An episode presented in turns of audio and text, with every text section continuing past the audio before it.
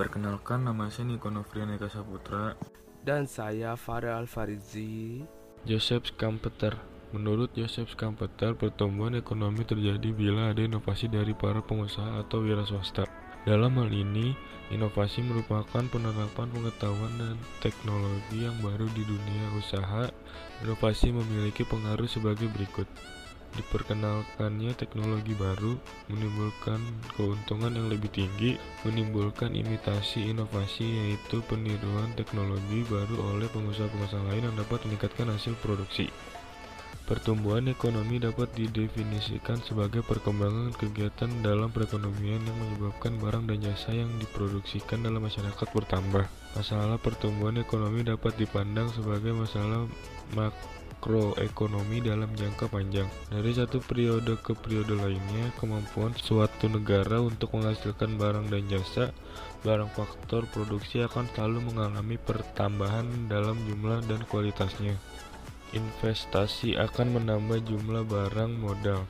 Teknologi yang digunakan berkembang. Di samping itu, tenaga kerja bertambah sebagai akibat perkembangan penduduk dan pengalaman kerja dan pendidikan menambah keterampilan mereka. Perkembangan kemampuan memproduksi barang dan jasa sebagai akibat pertambahan faktor-faktor produksi pada umumnya tidak selalu diikuti oleh pertambahan produksi barang dan jasa yang sama besarnya. Pertambahan potensi memproduksi kerap kali lebih besar dari pertambahan produksi yang sebenarnya. Dengan demikian, perkembangan ekonomi adalah lebih lambat dari potensinya, lambat dari potensi Faktor-faktor pembangunan ekonomi tersebut yaitu faktor ekonomi dan faktor non-ekonomi. Faktor ekonomi yang mempengaruhi pertumbuhan dan pembangunan ekonomi di antaranya adalah sumber daya alam, sumber daya manusia, sumber daya modal, dan keahlian atau kewirausahaan. Sumber daya alam yang meliputi tanah dan kekayaan alam seperti kesuburan tanah, keadaan iklim atau cuaca, hasil hutan, tambang, dan hasil laut sangat mempengaruhi pertumbuhan industri sangat negara, terutama dalam hal penyediaan bahan baku produksi sementara. Itu keahlian dan kewirausahaan dibutuhkan untuk pengolahan bahan mentah dari alam menjadi suatu yang memiliki nilai lebih tinggi. Faktor non-ekonomi mencakup kondisi sosial kultur yang ada di masyarakat dan politik, kelembagaan, dan sistem yang berkembang dengan berlaku. Pembangunan ekonomi merupakan proses perubahan yang terus-menerus menuju perbaikan termasuk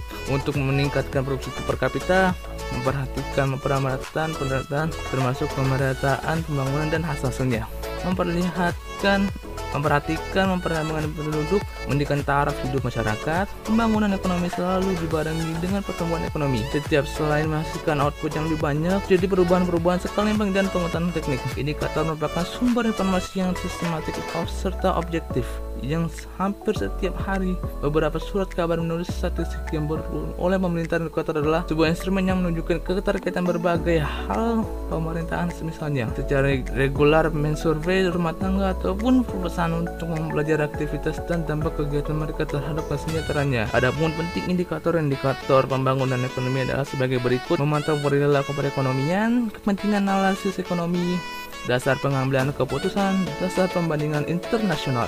Pembangunan ekonomi memiliki tiga indikator pokok, yaitu indikator moneter, indikator non-moneter, dan indikator sosial. Indikator moneter ialah berkaitan dengan uang. Uang di sini berupa tingkat income yang diterima oleh masyarakat. Dalam income moneter ada beberapa indikator dapat diukur yakni indikator ini merupakan indikator yang diambil dari beberapa hal pokok yang berkaitan dengan kehidupan masyarakat. Sama halnya yang dengan indikator sebelumnya, indikator ini memiliki beberapa macam-macam sub indikator. Berikut ini adalah uraian. Ahli pembangunan ekonomi yang bernama Beckerman membedakan beberapa penelitian cara membandingkan tingkat kesejahteraan tiga kelompok tersebut. Dalam kelompok pertama merupakan suatu usaha untuk membandingkan tingkat kesejahteraan yang terjadi pada da dalam masyarakat yang ada di dalam dua atau beberapa negara dengan cara memperbaiki pelaksanaan dan lembar hitungan pendapatan nasional biasa. Usaha ini dipelopori oleh Colin Clark yang selanjutnya disempurnakan oleh Gilbert dan Gravis. Kelompok kedua